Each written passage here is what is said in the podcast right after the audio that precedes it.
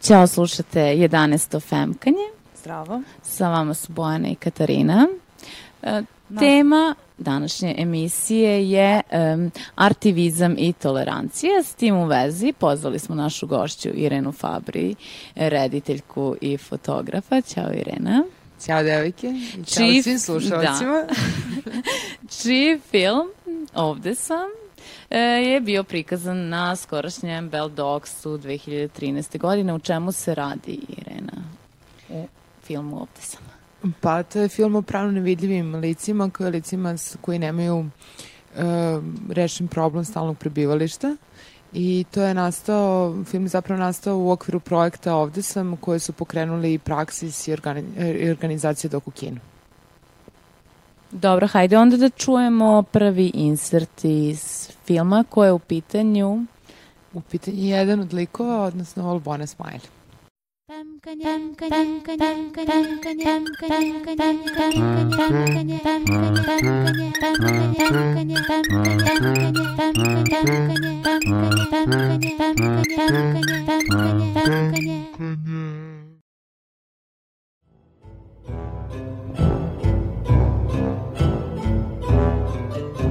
Kad otišla sam da se porodim, nisu pitali nešta, ništa, znaš, na to momenta.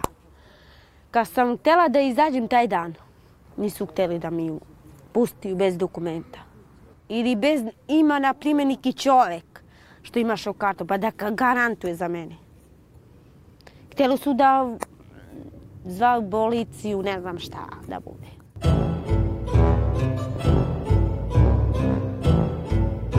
Rođena sam u Kosovu.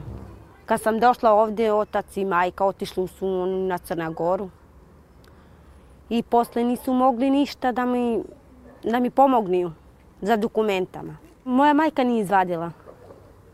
Kad sam se rodila, nije izvadila.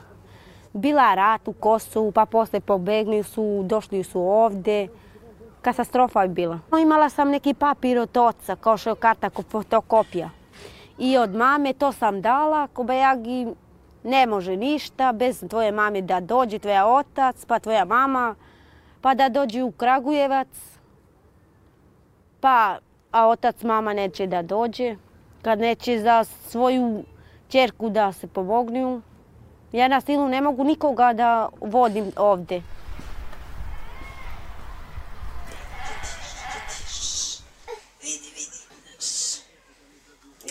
Pa je volela bi da imam šu, ovaj šnekartu da napišem decu moram ja da prvo da imam dokumente, pa posle deca, pa posle moram u školu.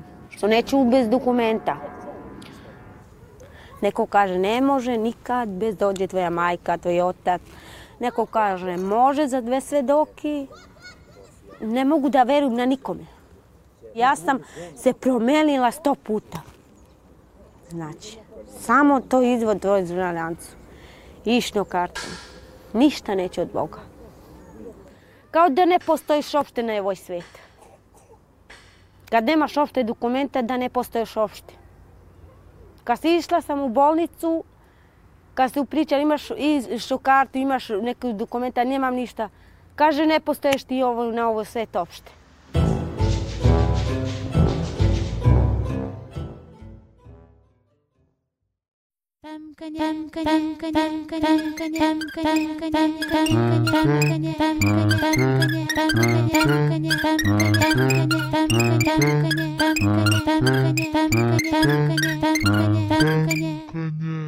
Koja je priča dakle sa Valjbonom Smiley i o čemu se tu radi, zbog čega sve to, zbog čega dolazi do svih tih problema? Pa meni je bilo jako interesantno koliko je ta žena skromna. Ona i na kraju kaže da samo bukvalno žele ličnu kartu i ništa više ne treba. Pritom živi u nekoj straćari, nemaju pod, spavaju na nekakvom blatu.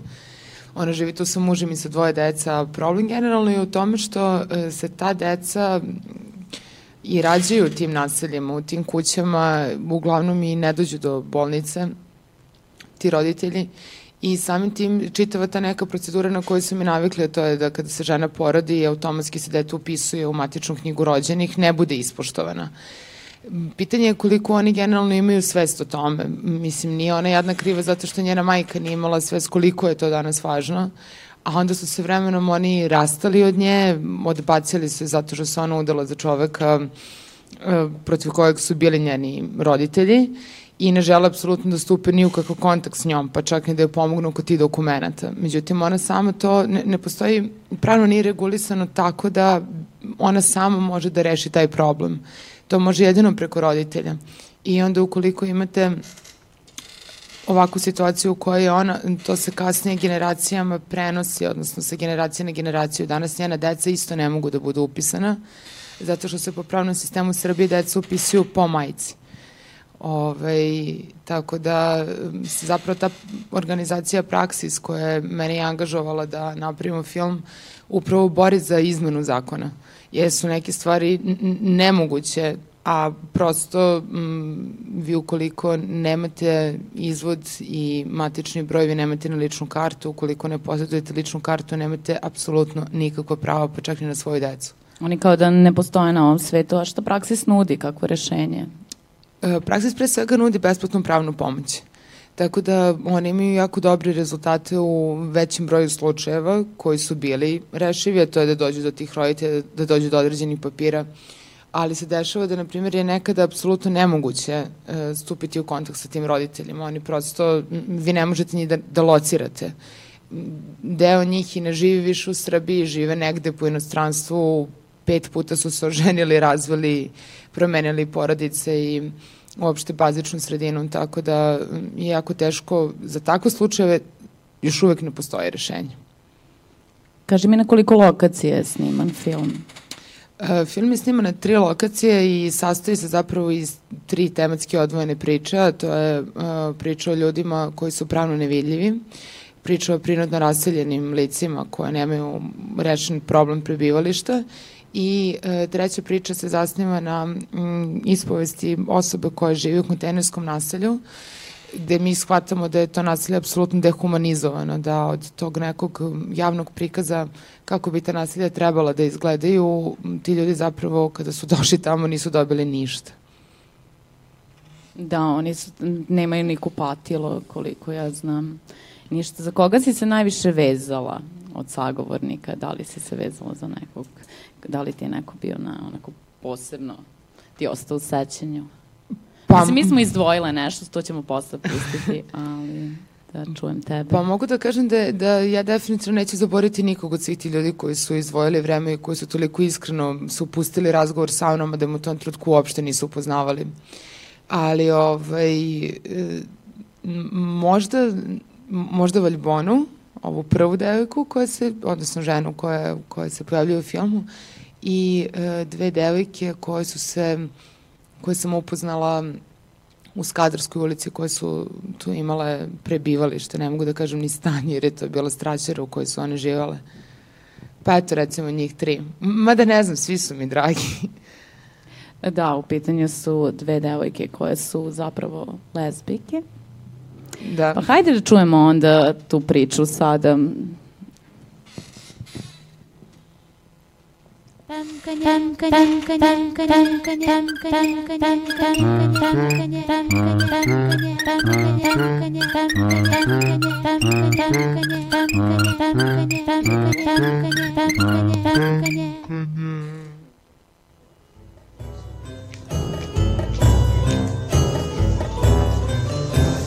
Zovem se Durmišović Sabrija. Ja sam iz Leskovca, okolina Leskovca Lebane. Živela sam tamo sa roditeljima. Imala sam još tri sestre, ja sam četvrta i imam i dva brata. Tamo u Lebane smo imali kuću jednu, malu. I moj otac je onda mnogo bio, pio je previše. I tuko nas mnogo matletirao. Moja majka nas napustila. Kad meni neko pominje mog oca, ja imam neki ogroman strah prema njemu jer je on meni ostavio neki utisak u životu da se ja njega mnogo plašim. ne znam, ne osjećam neku ljubav prema ocu kao što osjećaju druga deca. Ja sam stavila sebi tačko, znači kraj, ne mogu više da podnesem ovo nasilje, moram da budem hrabra, jaka, jer sve što više trpim ja ću više iz mozga da izađem. Kada sam izašla iz kuće, znači rešila sam da budem sama, jer znam da sam punoletna i da mogu sama da se borim. Posle toga sam upoznala drugaricu koja mi je mnogo pomogla u životu, koju nikad neću da zaboravim. Ona jest odavde, ovde se rodila.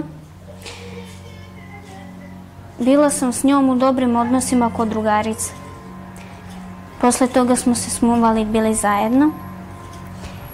S njom sam već sedam godina. Kako sam s njom, ja se osjećam mnogo slobodnije.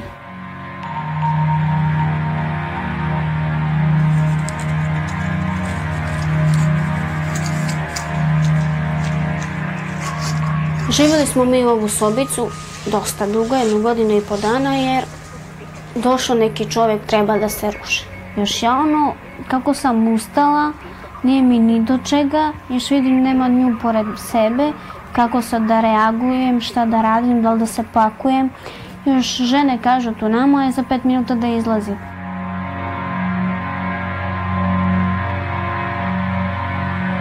I oduzela sam ja onda, znači sva sam se oduzela, nemam snage više ni da se borim, šta, gde ću, s kim ću, kako ću. Kad sam ja njoj to ispričala, sele unutra, pravili kafu. K kupili smo nes, ali tako seli da popričamo. Mm. Jesmo i bilo je teško. Krenula si da mi pričaš šta se dešava. Ja sam onda došla posle toga. Stala pogledam ovako, te mi objašnjavaš kako su došli da pričaju, iseljenje, mora da izađemo, mora ovo, mora ono. Mislim, jako mi je teško bilo, normalno. Nisam znala, prvo, pitala me gde ćemo, otkud ja znam gde ćemo, gde će do svi ovi ljudi, ne samo ja i ona. Voljela bi samo da neko bude naša velika podrška i da, da bude neko tu ko će nas toliko podržati u svemu.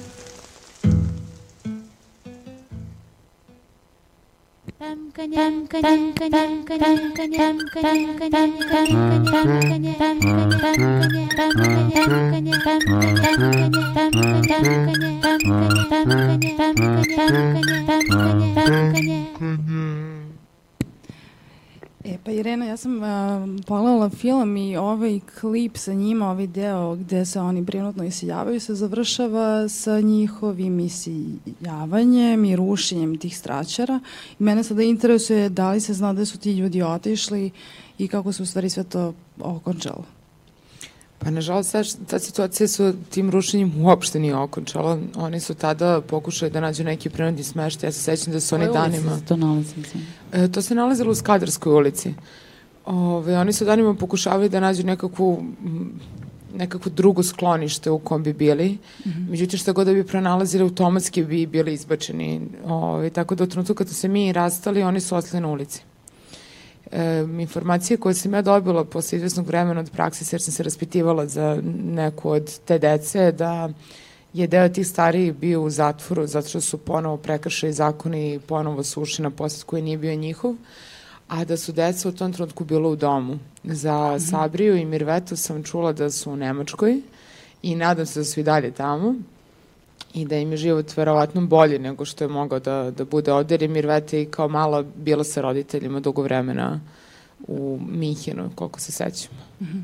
A ovaj, u trećem delu filma gde, um, ne sećam se imena, ova žena govori o životu u kontejnerima, ona isto govori o svom iskustvu, o ulaženju na tuđi posed, gde ona uh, shvata da čini prekršaj, ali mi se čini da je u više slučajeva bila izložena um, tom uh, sukubljavanju sa vlasnicima, ne sa vlastima, nego... Mislite se na brutalan način. Da, da, da. E, pa da, ona, ona i govori o tome koliko, koliko nije imala izbora zapravo i da je morala da ulazi u tako te napuštene kuće i dvorište u kojem bi pravila nekakvu straćaru u kojoj bi sve to sakrilo od zime, jer se čak jednom desilo i oko nove godine da su ih izbacili, ali bi se dešavalo da su to bile strašne svađe i tuče i da su par puti dobili batine teške. Tako da su na kraju otišli na 25. maj, tamo su napravili kućicu na kojoj ona jako, jako ponosna i kaže da je tu imala dve čak velike sobe koje ona sve to lepo sredila. Jeste sraćera, ali kao, kako je ona rekla, ali po njenom ukusu to kao se stan. bilo. Kao, kao stan, da, baš, baš upotrebi tu reč. Međutim, u trenutku kada, su, kada je to nasilje rušeno, um, vlast je donela ideju da se svi oni premeste u to kontejnersko nasilje koje se nalazi ispod Pančevačkog mosta, veoma daleko od centra. Ali najveći problem tog naselja, najveći, jedan od je upravo u tome što se ti ljudi izražavaju prikupljenje sekundarnih sirovina. I samim tim što su oni izmešteni iz centra grada, oni nemaju čak priliku više da zarade, jer se oni nalaze negde na autoputu, mm -hmm. mislim, jako teško i doći do tog naselja. Ja se sećam da, da nama taksi nije htio da dođe. Po nas, na primjer, kad smo izvali da nakon snimanja nas pokupe. I onda se dešavalo da sam u par navrata videla te ljude iz Reve koji guraju svoje kolice i sakupljaju karton po centru Beograda i znajući dakle dolaze, bilo mi je strašno, sam shvatila su oni tu jutro vjerojatno peški došli i da će se peške nazad vratiti. Da. Da li si ih posle posećivala tamo? Pa sa Mirvetom i Sabrinom sam ostala u kontaktu, um, čak sam bila i, ja mislim, jednom ili dva puta na Čukarici, jer sam im odnala neke svoje stvari. Eto, imala sam potrebu da im pomognem onoliko koliko ja mogu. Iako to nije pravilo praksisa da pojedinac zapravo pomaže, već se oni služe da e, sistem nalazi rešenje kvalitetno za njihovo bolje i preko sutra, ne samo sutra. Ja sam negde imala ličnu potrebu da im se zahvalim. Tako da sam ovaj, prikupila sve neke svoje stvari koje mi ne trebaju, koje bi njima dobro došle. I sećam se da smo se tada videli, možda još par puta, ali, ali nažalost ne sa svim ljudima. Da li bi možda mogla da izdvojiš najtežu priču po tebi u celom filmu? Pa najtež, najteža priča i najteži utisak. Najteži utisak je to što sam se ja fizički nalazila u Skadarskoj trenutku kada je došla policija njih da izbaci. Uh, I to je strašno kada vi treba da razmišljate o dve stvari. Jedna je o tome da napravite fenomenalnu priču i da ste konstantno u dosluhu sa svojom ekipom šta treba snimiti kad upalite kamere, a drugo što imate osjećaj da se to vama dešava. I tako da je uopšte rad na celom ovom projektu mene negde promenio. Bukvalno me doveo u situaciju da kada sam se vratila kući posle sedam dana, da sam bila jako srećna što imam, što imam toplu vodu i što sam u tom trutku zatekla, ja mislim, paštetu i jogurt u frižideru, jednostavno to, to mi je bilo i previše, bila sam prezadovoljna što što imam da jedem. Nekako vam se pomeri uopšte ugao viđenja života kada stvarno provedete izvesno vreme sa njima i kada ste nekako u situacijama u kojima su oni svaki dan i tih sedam dana je za mene bilo previše, neizdrživo, bukvalno. Da li postoje neke priče vezane za diskriminaciju koje niste stavili, koje nisu prikazane u filmu ili koje nisu možda snimljene, a došla ste na njih u razgovoru sa, sa ljudima? Pa uglavnom mm, ne, zato što smo mi imali već pripremljen sadržaj koji nam je potreban za film i nekako nismo imali vremena da sada budemo na terenu i da lovimo priču, mi smo bukvalno po priču došli. Da. E, u tom smislu su bili pripremljeni, što, smo, što sam ja unapred mogla da očekujem šta će mi svako od njih ispričati i koje su negde najbitnije teme, jer film traje samo 24 minuta. Oni se svi dosta kratko pojavljuju. E sad, m, Sabrija je bukvalno film za sebe. Kod nje je bilo najviše materijala i najtežih razno raznih priča kako ona zapravo dospela tu i zašto je u toj skadarskoj, a ne u svojoj primarnoj porodici. Međutim, ona bih, da smo ubacili više, više razgovora sa njom, ona bi prosto skrenula pažnju previše na sebe. A nama su trebale priče pojedinaca koje su u istom problemu. A kaži mi kako se oni odnose prema lesbijkama, kako se Romi odnose u toj celoj Aha. priči prema pa lesbijkama? Da, interesantno je da uh, u tom dvorištu u kom sam ja bila, osim Sabri i Mirvete, bilo su još dva gej para. Tako da je to očigledno da nije nešto neobičajno kod njih. Ove, jeste to tema o kojoj se javno ne priča, naravno, u njihovom društvu kao ni u našem, ali daleko od toga da to ne postoji daleko od toga. Čak je bila i zanimljiva jedna priča devojke koju sam ja tamo upoznala, Ove, ali prosto sa njom nismo radili nikakve intervjue, nam nije bilo potrebno za ovaj projekat koji smo radili, a to je da je ona u tom trenutku bila pobegla od kuće. Ja sam ju tako upoznala, ona je bila gošća kod njih i ovaj, ni ona tek jedna nije znala posle šta će s tome i kako će. Ona je udata za čoveka koji je umeđu vremenu posle, imaju dvoje dece koje je posle travestit. A kako on posle travestit, tako ona preuzela tu mušku ulogu, tako da je, ja ne bi znala šta je šta je ona onda u tom slučaju. Postoje jedna potpuna zamena uloga i ovo, u njihovoj poradici i negde njoj više se smučilo da, da, da živi tim zamenutim ulogama i rečila da ga napusti, pa onda došla tu u Skadarsku, međutim tu uspela se da čitave dve nedelje, jer su nakon toga oni bili izbočeni. Koji su tvoji generalno utisci na kom nivou je tolerancija u Srbiji, pošto imale se iskustva snimanja tog filma i verovatno si svašta videla? Sa policijom da. i seljavanjem? Pa, hm, policija je zapravo bila tu samo da sprovede zakon koji je donet, odnosno odluku koja je doneta. Ali e, ja se plašim da se ne radi samo u ovom slučaju o netoleranciji, da generalno živimo u jednom vrlo netolerantnom društvu, tako da je ovo samo jedan od fragmenta tog sistema.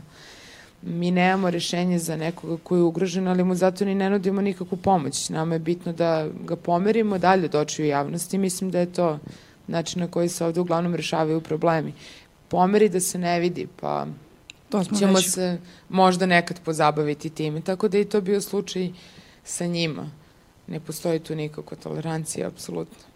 Jako zanimljiva stvar je skandal koji je izazvao rad umetnika Zorana Todorovića Cigani i psi. E, preporučujem slušalcima da ukucaju Zoran Todorović Cigani i psi i dobit će informacije o tome šta se dešavalo. E, film je prvi put prikazan 2007. godine, međutim skandal je glavni nastao 2009. godine na, salonu, na oktobarskom salonu kada su apelovali da se rad skine sa izložbe.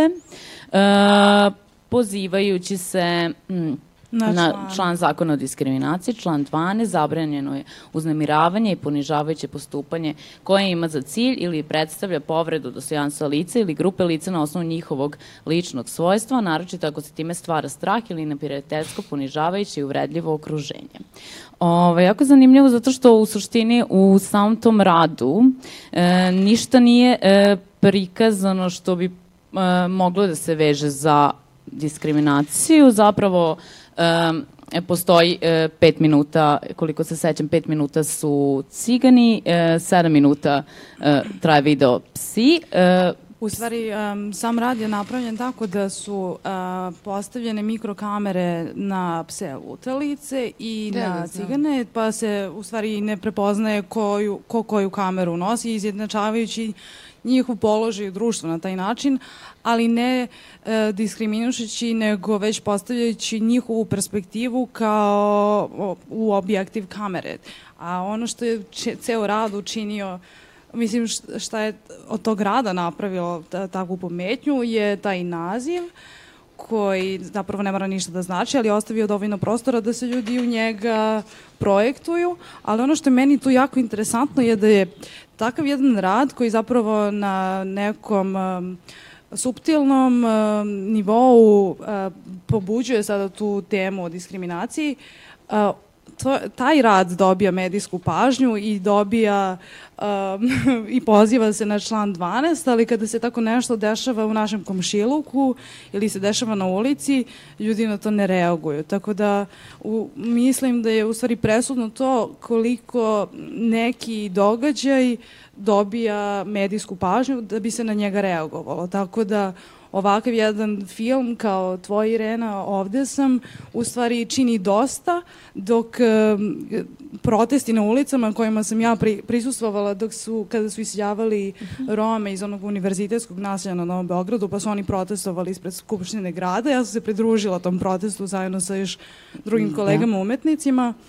A to je prošlo uh, kao super, zaustavili su oni saobraćaj i sve to su, postigli su šta su oni tu hteli, ali zapravo nisu postigli ono uh, zašto Rezultat. su se borili. Da. Rezultat zapravo, da.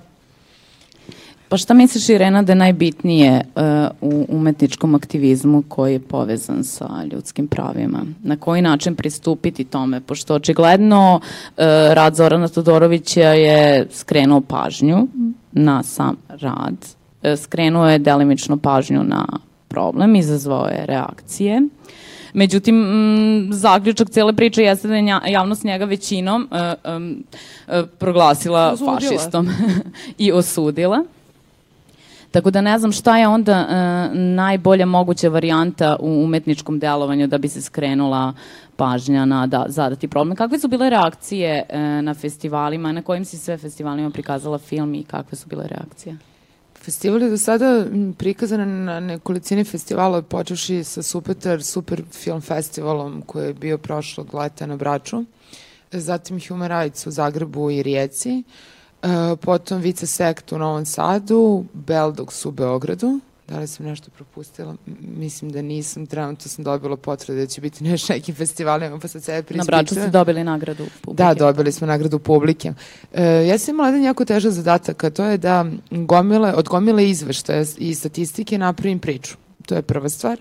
E, druga stvar je da sam ja e, se zaista trudila svim silama da to ne bude jedna tragedija, iz razloga što su nam privatni životi toliko tragični da nam je još jedna tragedija viša, pogotovo Roma, nešto što mi ne bi se mogli da stvarimo i što nas ne bi uopšte zadržalo da, da pogledamo film do kraja.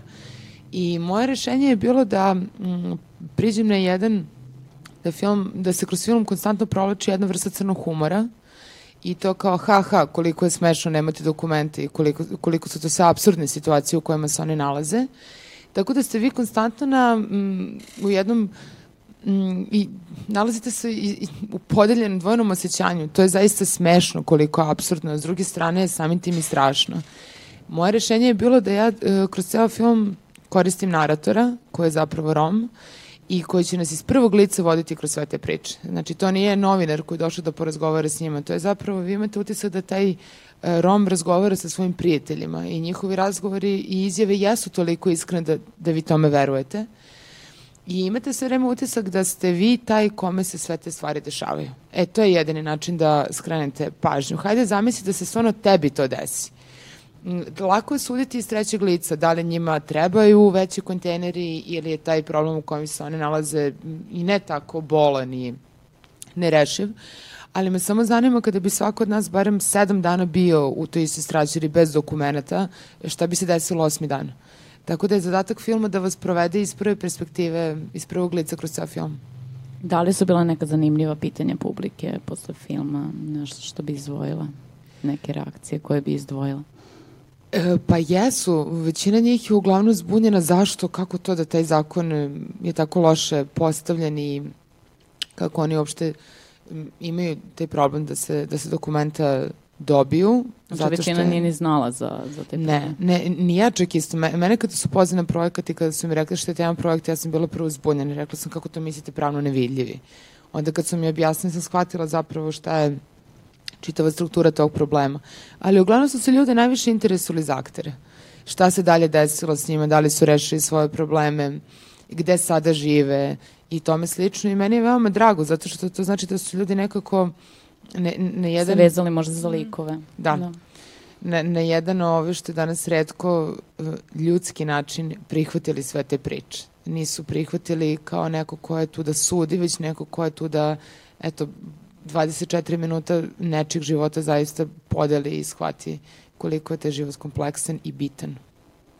E, pričale smo o, o filmu Ovde sam i kada sam spomenula da u stvari e, si ti tu dosta imala slobode kada je u pitanju e, fotografija. Uh mhm. -huh. e, pa bih te pitala malo o fotografiji, pošto si rekla da u poslednje vreme dobijaš sve veće i bolje reakcije na svoje fotografije. Pa da, što se tiče konkretno filma ovde sam, on je potpuno fotografski postavljena. To je tako što uh, sam ja bila svesna da nemamo dovoljno vremena da pravimo pravu dokumentarističku priču, a to je da sa kamerom šnjuramo po tim naseljima i bijemo tamo mesec, dva, tri, čekamo da se nešto desi. Maltene, te film je u tom mesetskom smislu apsolutno režiran. E, ja sam se trudila da sve te portrete porodica koje su pravljeni bukvalno izgledaju kao porodične fotografije i e, ja sam njima rekla da ćemo ih fotografisati, s tim da smo ih snimali u tom trenutku, svi su bili onako poređeni, zbijeni jedan drugih. Pustila sam ih samo da im šta će se dešava po 15-20 sekundi. U jednom trenutku prvo bi deca gubila pažnju i počelo bi onako se meškolje i to je stvorilo jedan vrlo zanimljiv efekat na ceo film, a to je da vi ne znate da li su to zamrznute slike ili su to živi ljudi. E onda kad shvatite da su to živi ljudi, da su to i tekako žive priče, film dobije jednu drugu formu. A što se tiče tog nekog estetskog smisla, ja sam se potrudila, odnosno stila, ja sam se potrudila da uh, to liči na fotografiju, koje se ja, fotografiju kojom se ja bavim i nekako taj prikaz atmosfere na fotografijama je nešto što je meni najbitnije. Tako da, ovaj, eto, to je, to je glavni link između tog filma i mog bavljenja fotografijom. Dobro, šta bi izdvojila kada je u pitanju tvoja fotografska karijera? Pohvalila si mi se da su bile jako dobre reakcije na neku fotografiju ovih dana. pa da, da, da, ja sam onako detinje radujem svim svojim uspesima vezano za fotografiju, apsolutno nepretencijozno gledam na to. Možda bi trebalo da malo ozbiljnije shvatim uspeh i da to nekako kanališem, ali za sada eh, je to moja najveća radost. U trenutku kad ja razvijem film, to je čitav ritual. Ja moram da budem sama, moram prethodno da napravim playlistu, najbolju šolju kafe, onda da pogledam šta sam uradila.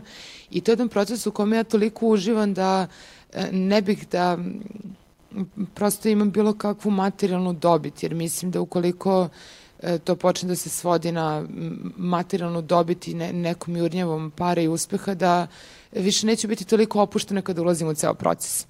Ja za sebe kažem da ja nisam fotograf, ja nekako samo na jedan specifičan način vidim stvarnost i prostor oko sebe i imam sposobnost da to mogu da zabeležim. A sad, da li će neko reći da je to domen fotografije ili potpunog profesionalnog ili, ili potpunog amaterizma, to već ostavljam ljudima koji gledaju.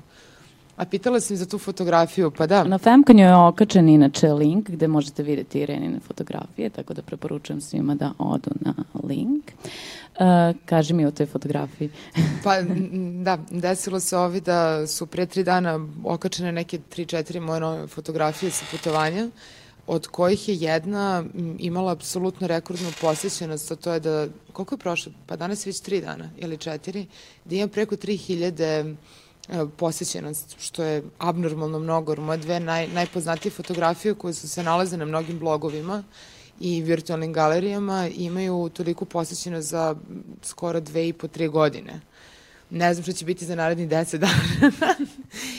Ali interesantno što fotografija nije niti tagovana, niti postoje ime po kom bi moglo najde lakše u nekom searchu da se nađe.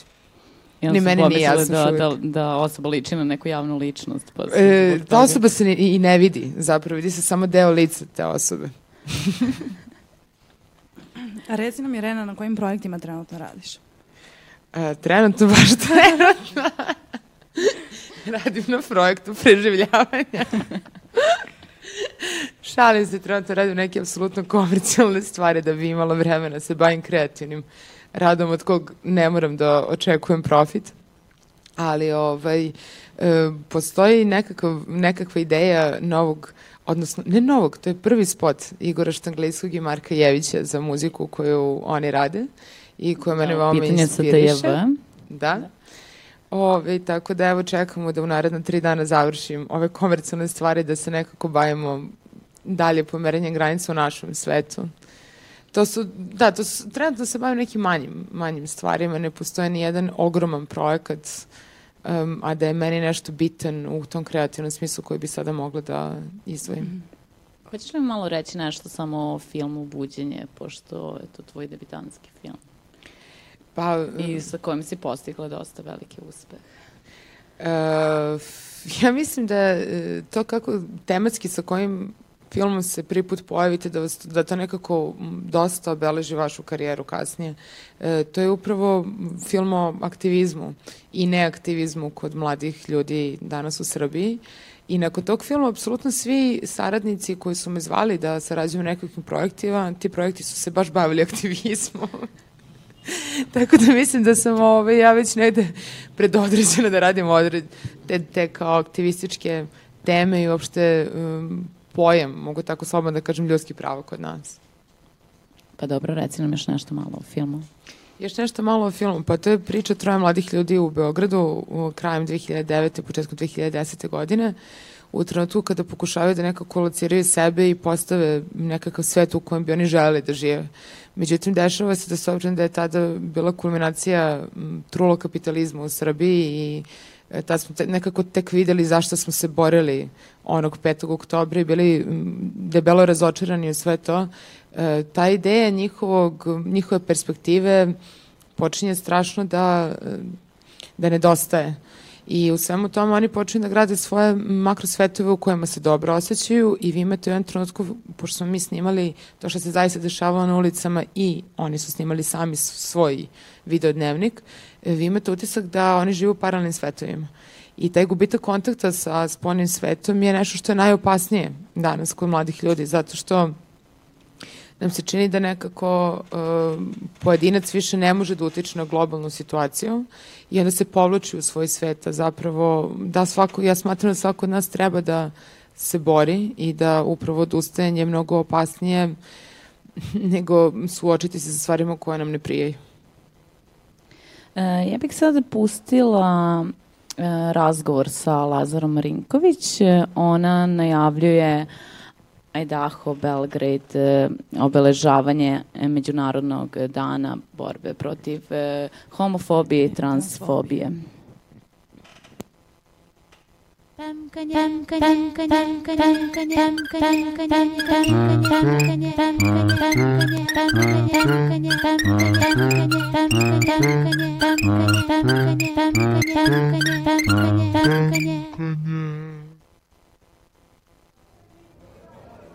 Nalazimo se u KC gradu na programu Side Street gde selekcija filmova večeras vrši Idaho Belgrade. Sa nama je Lazara Marinković iz Idaho Belgrade tima. Zdravo Lazara. Zdravo, dobroveče. Dobroveče. Kako bi definisala svoju ulogu u Idaho Belgrade-u? Uh, pa najpre da kažem, mislim, Idaho... Ajde prvo Aj, da krenemo šta je Idaho. Idaho je uh, Međunarodni dan borbe protiv homofobije i transfobije koji se obeležava 17. maja na dan kada je Svetska zdravstvena organizacija skinula uh, homoseksualnost sa liste poremeće psihičkih. I prosto taj dan je posvećen borbi protiv negativnih posledica koje imaju homofobija, odnosno nasilje, diskriminacije i tako dalje i mnogi drugi problemi sa kojima se suočava LGBT i queer populacija zbog svoje samo seksualne orijentacije, je li tako? Ovo je ujedno i najava programa koji ćete da. organizovati Tako da, da, povodom toga uh, organizacija koja inače u KC gradu uh, pravi žurke pod, pod imenom JTKT. Uh, zajedno sa KC gradom još m, nekoliko saradnika je pokrenula inicijativu da ove godine obeleži taj Međunarodni dan borbe protiv homofobije, odnosno Idaho, koji se, dakle, u preko 60 zemalja širom sveta obeležava. Dakle, to za prve da. godine? Ne, ne, e, zapravo bilo je više inicijativa u poslednjih par godina, e, čini mi se da je prošle godine Labris uh, organizovao neku akciju puštanja balona. 2011. je bio Loud and Queer Idaho Week u Domu omladine. Uh, to je takođe bio kao neki i muzički program i umetnički i tako dalje, a deo tih ljudi koji je to radilo, koji je radilo Idaho Week, uh, je i sada ove godine, da kažem, okupljen oko ove inicijative. Tako da 17. maj je petak da. uh, i tada uh, ćemo mi da obelažimo taj, taj dan uh, panel diskusija na temu umetnost i kultura u službi ljudskih prava, odnosno borbe protiv homofobije, takođe i izložbom. Gde će biti izložba? Izložba je gore u galeriji KC grada, panel će biti ili u bašti, ukoliko je loše vreme, onda ovde dole. Uh, tako da u stvari pozivamo uh, ljude eminentne iz oblasti kulture, iz uh, LGBT organizacija i medija da zapravo zajedno otvorimo, da preispitamo kakvo je stanje trenutno i na polju zaštite e, prava LGBT osoba i na polju delovanja trenutno organizacija, na, na polju stanja umetnosti takođe i da vidimo koji su to projekti koji postoje umetnosti trenutno u Srbiji, e, koji su zapravo koji imaju tu vrstu inicijative i sadržaja koji se odnosi na LGBT queer populaciju i da vidimo šta još može da se uradi. Dakle, da pokrenemo nekakav da otvorimo, da kažem, novi front i da ovaj, stvorimo neku novu platformu za dalji rad uh, i tokom cele godine. Uh, primetila sam da veoma često se na takvim akcijama, da se takve akcije povezuje sa umetnošću. Da li misliš da je umetnost pravi teren za LGBT aktivizam? Pa ja ne, ne bih sad, ne, ne bih rekla da, je, da li je to pravi ili nije pravi, ali definitivno jeste jedan od. Um, inače, mi koji smo trenutno okupljeni oko ove inicijative, svi dolazimo baš iz oblasti kulture i medija. Uh, svi se bavimo već godinama uh, umetnošću, kulturom, muzikom i tako dalje. Tako da smo ovaj, shvatili da je to naše oružje zapravo i da mi na taj način možemo da, da, da se angažujemo i da probamo da aktiviramo i da se da se povežemo sa stručnjacima, da kažem, iz drugih oblasti, dakle, baš iz tog uh, trećeg sektora, odnosno i kao nevladinih organizacija i države i tako dalje, da prosto probamo da mi pokrenemo sa ove strane uh, nekakvu inicijativu, zato što smatramo da su kulturno umetnosti mediji od uvek bili i jesu ono, najmoćnija sredstva u borbi za nekakvu bolju društvenu promenu. Šta mi, e, našla sam na vašem sajtu Idaho Belgrade da e, ste istakli određeno, odnosno pomenuli ste da, da je dosta e, dosta napredovala ta priča kada je u pitanju tolerancija u Srbiji. Šta misliš da su najveći poduhvati na tom polju?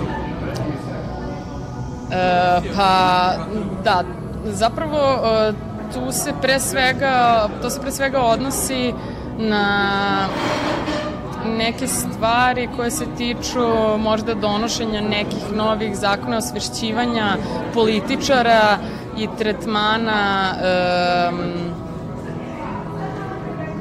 gej kulture uh, u medijima i javno, da kažem nekakvom javnom govoru.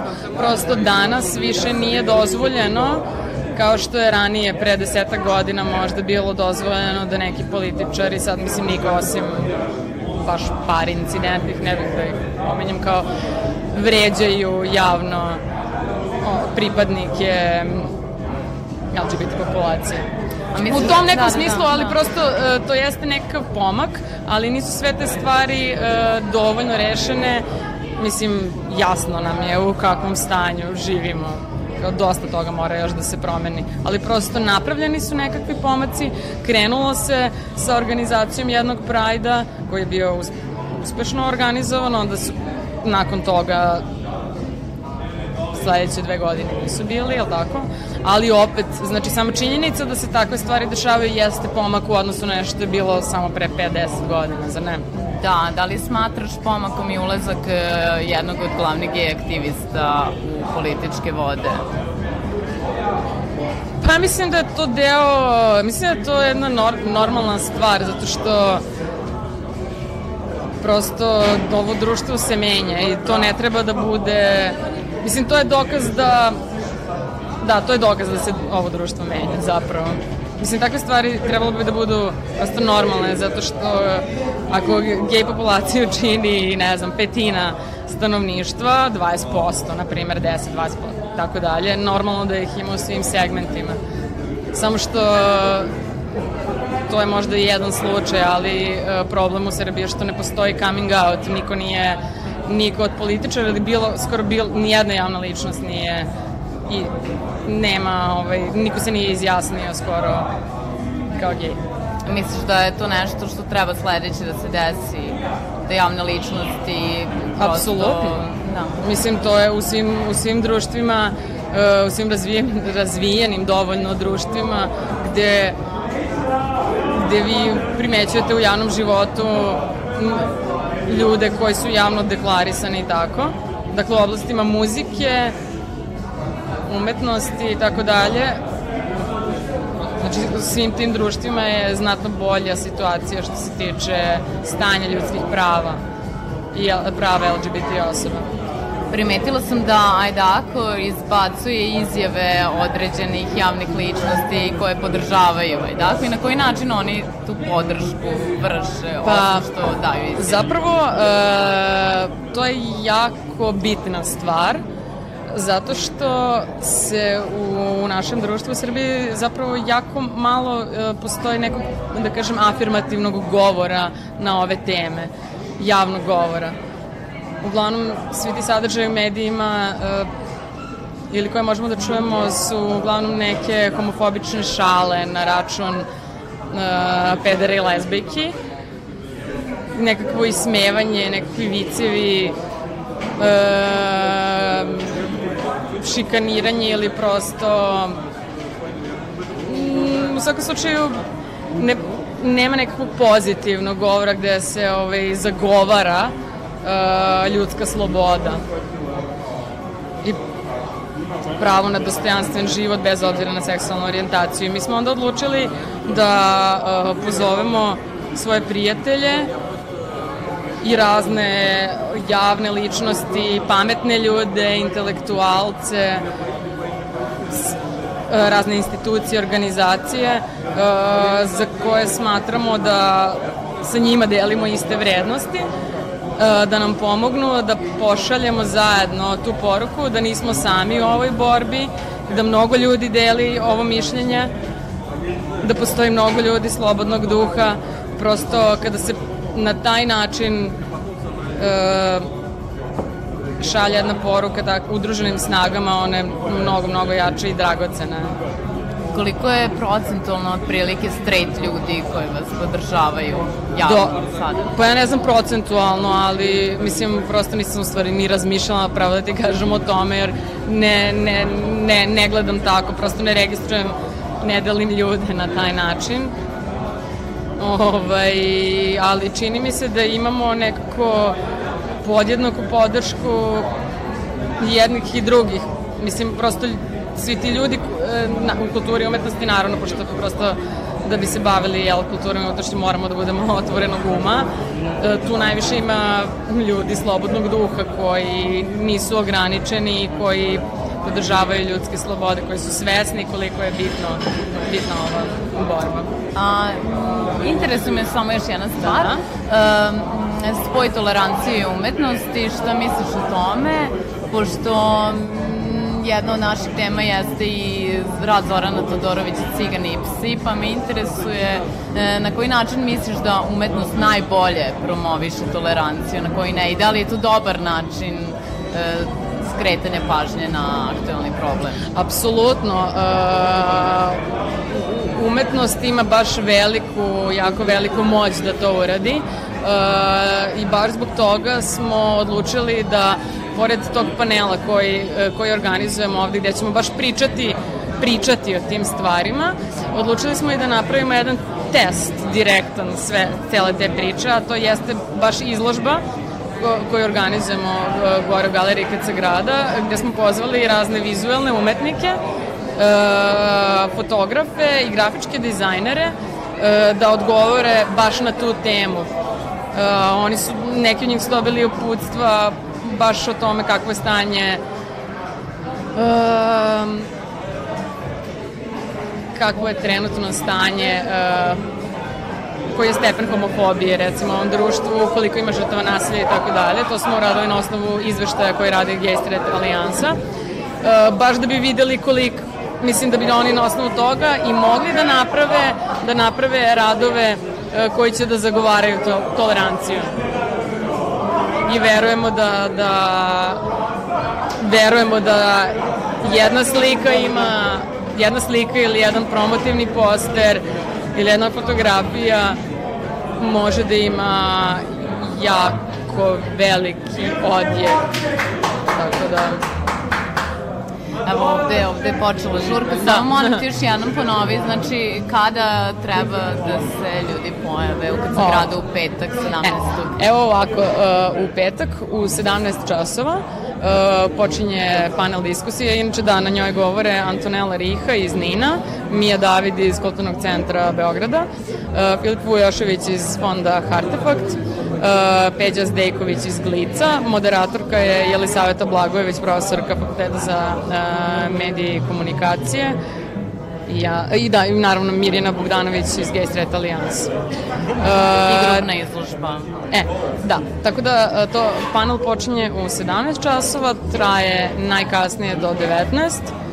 E, nakon toga, dakle, izložba, koktel i kad se to završi idemo svi zajedno u Mixer House gde se uh, odigrava uh, žurka uh, zagrevanja za Depeche Mode gde muziku pušta Andri Pejić. Inače, ova žurka je posvećena Idaho. Uh, takođe, mi ćemo ovde, dakle, uh, nakon panela, uh, našim gostima podeliti ulaznice za, za ovu žurku, tako da zovemo vas da dođete u KC grad, 17 časova ili u 19 časova ako ne, ako ne želite da baš budete i na panelu, da ovaj, se vidimo, da pogledamo izložbu, da porazgovaramo o svemu i da odemo zajedno na, na, na žurku i da tako obeležimo ovaj dan. Lazara, hvala ti puno, mi se vidimo u petak. Hvala tebi. Ćao. Ćao.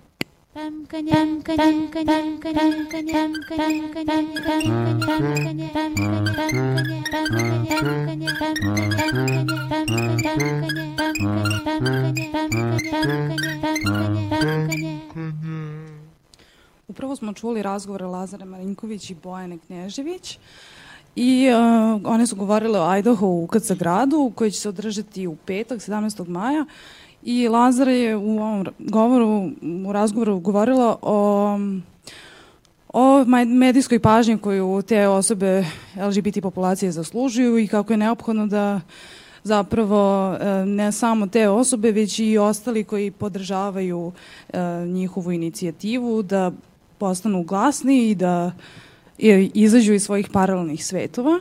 Pa bi se ja vratila na tvoju priču Irena gde ti govoriš o tome da mladi ljudi zapravo beže iz uh, stvarnosti koja je okrutna. To sam i primetila na njihovom Facebook profilu da su uh, mnogi medijski ličnosti govorili o tome kako žele da žive u drugačijem svetu i kako žele da menjaju njihovu svoju stvarnost i ovu zemlju, ali bih uh, se vratila na ono o čemu smo mi pričale u pauzi gde si ti spomenula da postoji jedna predstava na, po, u pozorištu na Terazijama koja se zove Cigani.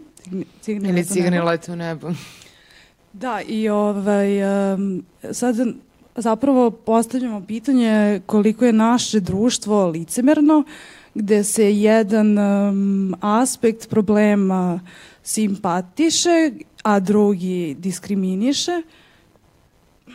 I um, to mene u stvari dovodi do zaključka da bi uh, svi mladi ljudi koji se tako osjećaju zapravo trebali da stanu u, uz, uz ljude koji se nalaze diskriminisani i mene sada interesuje kakav je tvoj stav povodom uh, LGBT populacije kod nas, kako, kako bi ti reagovala, da li bi ti izašla u javnost, da li bi ti um,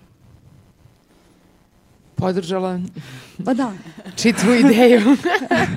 da li bi ti izašla iz svog paralelnog sveta? Pa ja ne mislim da po tom pitanju živim u paralelnom svetu, daleko od toga. Mnogi moji bliski prijatelji su uh, predstavnici jel, LGBT grupacije, ali jednostavno m, mislim da je možda na neki način i kod nas sve to pogrešno postavljeno iz razloga što m, mislim da treba da se bavimo inkluzijom njih u društvu, a ne odvajanjem njih. I to je nešto što u širokoj meri pravi problem, zato što mi konstantno nekako posmatramo njih kao određenu grupu sa posebnim potrebama. Ne, to su najnormalni ljudi. Hajde da malo drugačije posmatramo stvari sa e, potrebama kao što imamo svi mi, a seksualno opredeljenje je nešto što je njihova karakteristika. I kada bismo krenuli od toga da ja nekako ljude delim na zanimljive i nezanimljive, na ljude koji meni prijaju ili mi ne prijaju. Mislim da ni jedna druga e, odrednica ne postoji u mom slučaju. Tako da, e, i mislim da to ne da zdravo, zdravo rezonovanje. Jer na taj način jedino možemo da prihvatimo čoveka u potpunosti onako kakav, kakav jeste kada ga upoznamo sa njegovim dobrim i lošim stranama. Bili mi m, pripadnici gej populacije ili ne, svako od nas ima i to pozitivno i negativno u sebi. Pitanje, odnosno stvari tolerancije jedino. neke stvari vrlo negativne su u našem društvu, kao što su, na primjer, agresija, e, tolerišu u određenim krugovima, dok se, na primjer, seksualno opredeljenje ne toleriše. Meni je to potpuno Ono što meni jako zanimljivo jeste da sam primetila da generalno postoji netolerisanje različitosti. Ja sad zavisi kako se ta različitost shvata. Mislim to, ako je neko nasilan, on nije različit, ali ako je neko, ne. ne znam, ekstremni obučen ili se ponaša na malo drugačiji način, pritom nikog ne ugrožava, osim ljude koji očigledno imaju neki problem sa sobom, mislim, niko ih ni direktno ne ugrožava u takvoj situaciji. Onda mi je jako zanimljivo način na koji se postavlja ta različitost ovde kod nas. Da, meni je sada u stvari tu zanimljivo da li je tolerancija zapravo izuzetak reakcije na nekoga ili je tolerancija upravo uh, pozitivna reakcija na nekoga. To je ono što nedostaje, čini mi se. Ok, kao navikli smo na to da su agresivni prema različitima, a, kao privikavamo se da smo indiferentni prema različitima, ali ono što mi se čini da izostaje je ta pozitivna reakcija na različitost u našem društvu. Pa da ja mislim generalno i u školama kada pogledaš isto tako e, postoji neki standard, neki trend, baš sam videla na koji način e, se ponašaju. Evo tu nam je preko puta srednja škola pa vidimo da su sve devojčice iste, svi dečaci su isti nekako. Uniformisani. Da, pretpostavljam da ti koji su različiti ni ne smeju da pokažu tu svoju različitost i straha da će se na to negativno reagovati. Tako da stvarno ne znam šta bi bilo, šta je najbolja varijanta rešenja tog problema. Pretpostavljam razgovor sa, posvećeni razgovor sa decom od strane roditelja i posvećeni misliš, razgovor misliš profesora Misliš da bi bilo pametno podržati decu koje su različite u njihovim idejama? Ja mislim da bi bilo pametno, da, podržati decu prosto u školi. Na primjer, ukoliko je neko dete različito, dešavalo se često da i sami profesori nekako imaju averziju prema takvoj deci. Svakako, Mislim da, da najpre treba da postoji obuka e, za profesore i roditelje. pa po meni, ja ne znam, ja malo drugačije vidim tu stvar. Uh, generalno, sistem upravo nas i kalopio određene modele zato što je uh, tako najlakše kontrolisati masu. E sad, pitanje je da li sistemu odgovara individua. Mislim da je to, kada bi sistemu odgovarala individua, generalna svest naroda bi se takođe menjala jer negde ta široka narodna masa se i oslanja na postulate čitavog sistema. Tako da to sve što je neprihvatljivo globalno, onda je neprihvatljivo i pojedincu. Tako da stvari treba po meni da se menjaju od pojedinca ka globalnom. Ali svakako, svakako da je u to uključeno do, dosta različitih faktora. Baš smo pričali prošle nedelje sa Anom Seferović gde smo zaključili da postoji taj moment ili ili, bipolarnost shvatanja uh, svega, pa i tolerancije, onda postoje kao uh, straight osobe i LGBT gay osobe i ne postoji nikakva uh, tu sredina ili su kao potpuno patrijarhalno nastrojeni ili su LGBT. A mislim, ono što bi trebalo verovatno da se desi jeste da se na neki novi način postave, postave uh, modeli međuljudskih odnosa i sam, ne, recimo, koncept braka. Da, da, da, to je baš Ana spominjala. A šta ste vas dve pričale o, o ljudima koji nose dizajneranu odeću?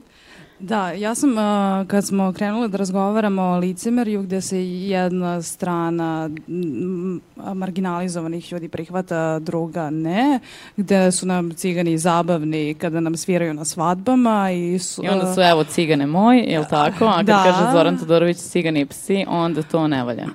Da, kada pričamo o njihovim problemima, a, mi, svi, mi smo svi začuđeni, kao otko to. So, oni su, nemaju dokumenta, pa stvarno, ni, niko toga nije svestan.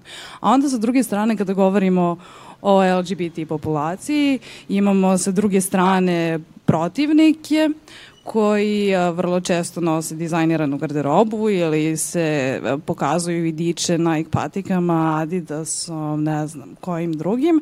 Pa sam ja malo sad sršovala tu temu i otkrila da je Nike prošle godine za LGBT uh, Gay Pride Week u Americi izdao city specific shoe design to celebrate Gay Pride Week.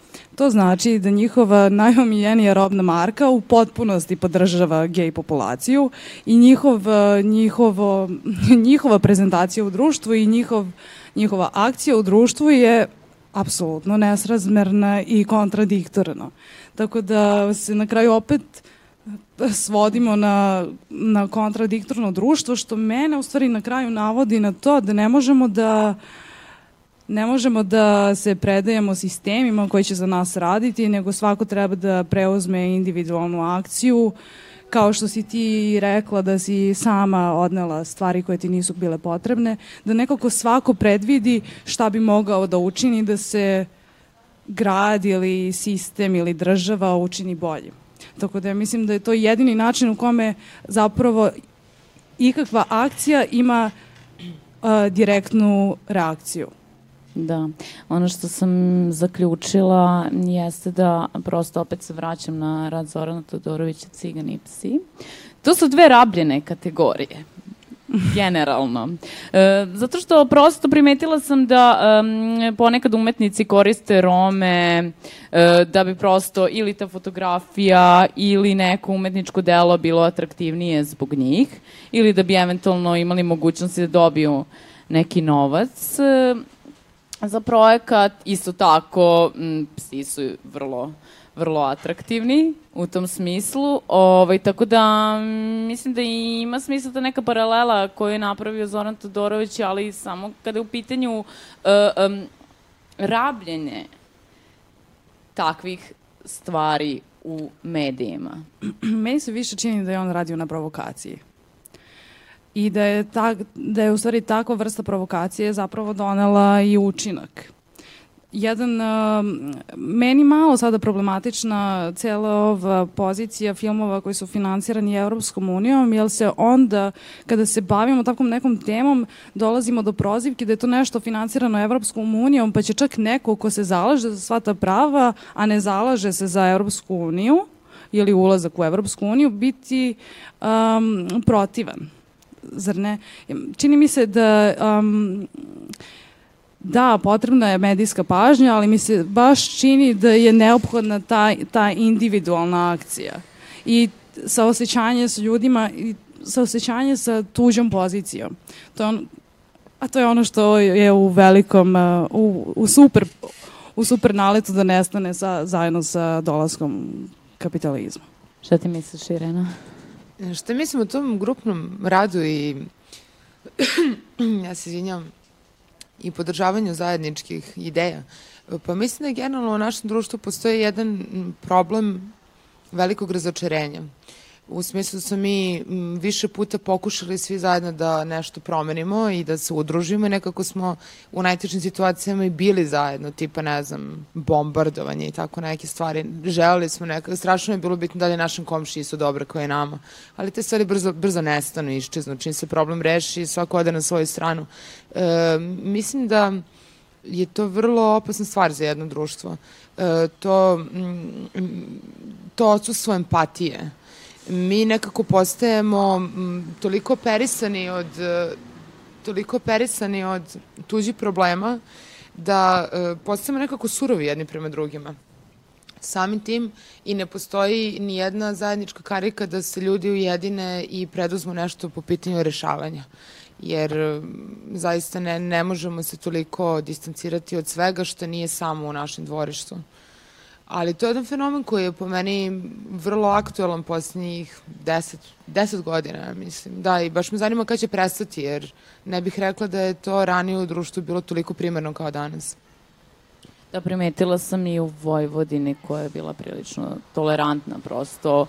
E, sam koncept e, življenja u takvoj sredini je e, e, propagirao toleranciju i primetila sam da recimo u Novom Sadu postoji dosta agresivnih grupa klinaca koji idu, razbijaju, koji ugrožavaju prosto stanovništvo. Toga nije bilo ranije. Ja stvarno ne znam o čemu se radi, ali bila sam prilično zbunjena kada sam... Kolektivni bez? Da.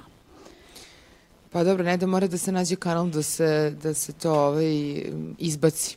Tako da je to sve češće prisutno baš to što si ti spomenula kao divljaštvo ničim izazvano. Niko se ne pita, da, lako ćemo suditi sve te klinice.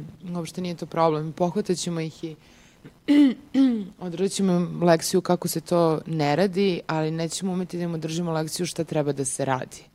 E, mislim da ovaj, tu i jeste odgovor što su prosto deca sve više neusmerena, jer ne znaju šta bi mogla sa sobom, a ta neka ogromna energija koja stoji u njima je samo loše kanalisana. Irena I onda je projektovana mm -hmm. na, na slabije, na stvari koje jednostavno nisu primerene za takve akcije, ali negde to mora napolje, pa izbija na, na najgore načine. Omiljeno pitanje moje, koje volim da postavim gošćima, je kako vide svoju budućnost. Kako vidim svoju budućnost? Pa vidim je u nekom radu koji me ispunjava.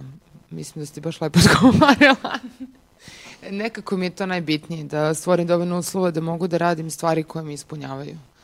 I vidim da se krećem u dobrom pravcu i da će od toga zaista doći, da će se i doći do realizacije svih tih mojih želja. Da li život u Srbiji može da omogući jednom mladom umetniku da ostvari takav cilj?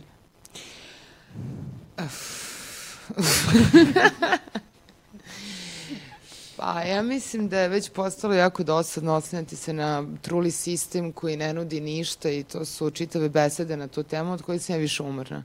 E, mislim da svako od nas može da nađe rešenje za sebe. Pitanje je samo šta želimo. I pitanje je samo koliko su se želje velike i koliko su realne.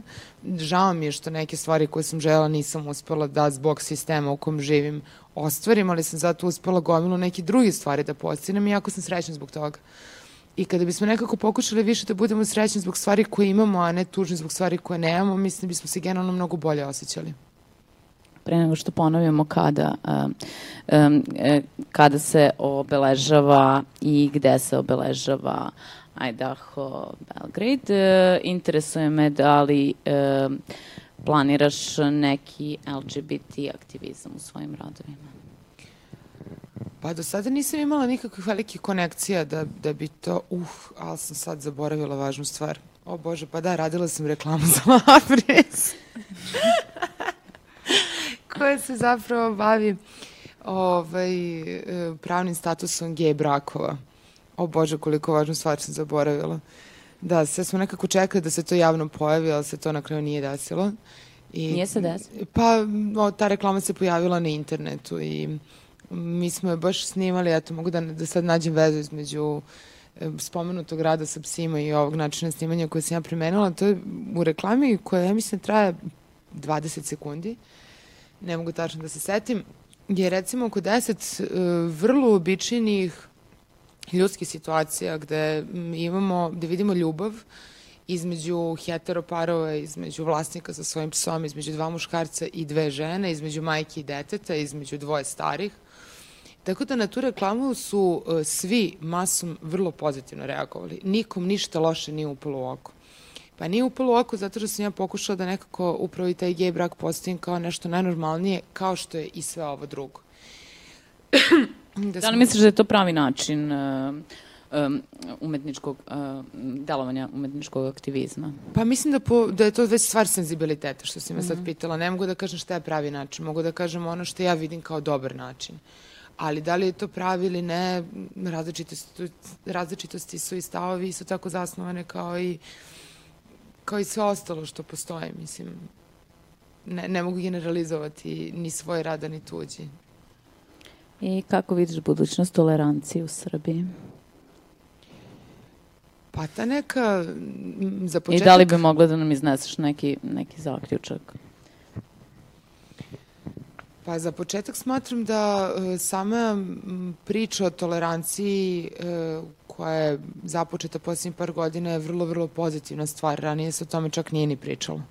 I potrebno je, potreban je jedan veliki rad i dugi niz godina da bismo videli konkretne rezultate. A ja zaista, kao i po pitanju velikog broja stvari, imam pozitivan stav i mislim da će se promeniti neke stvari.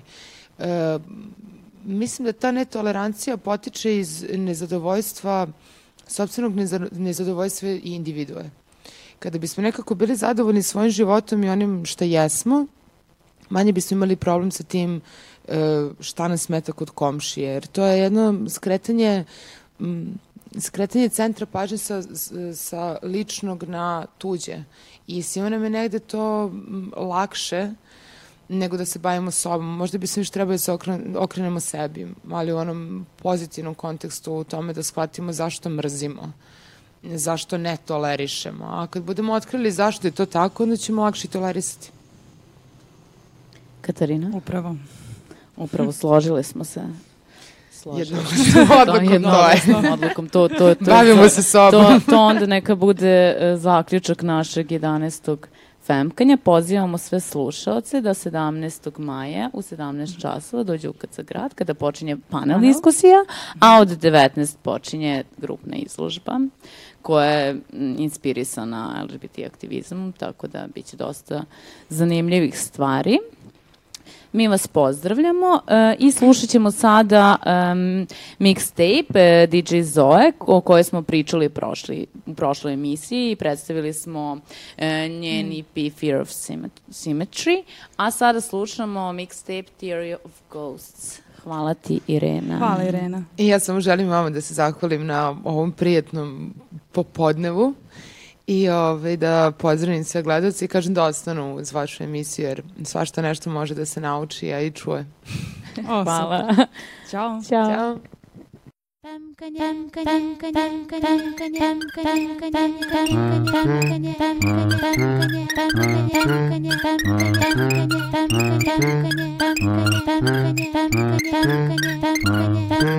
tam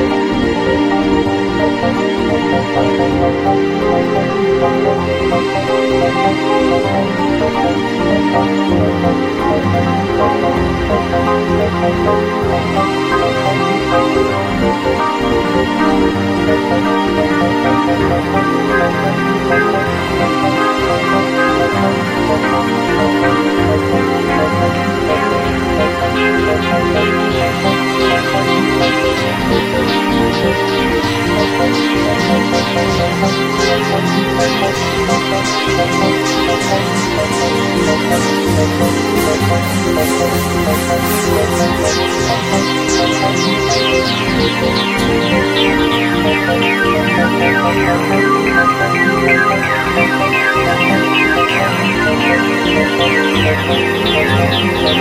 you.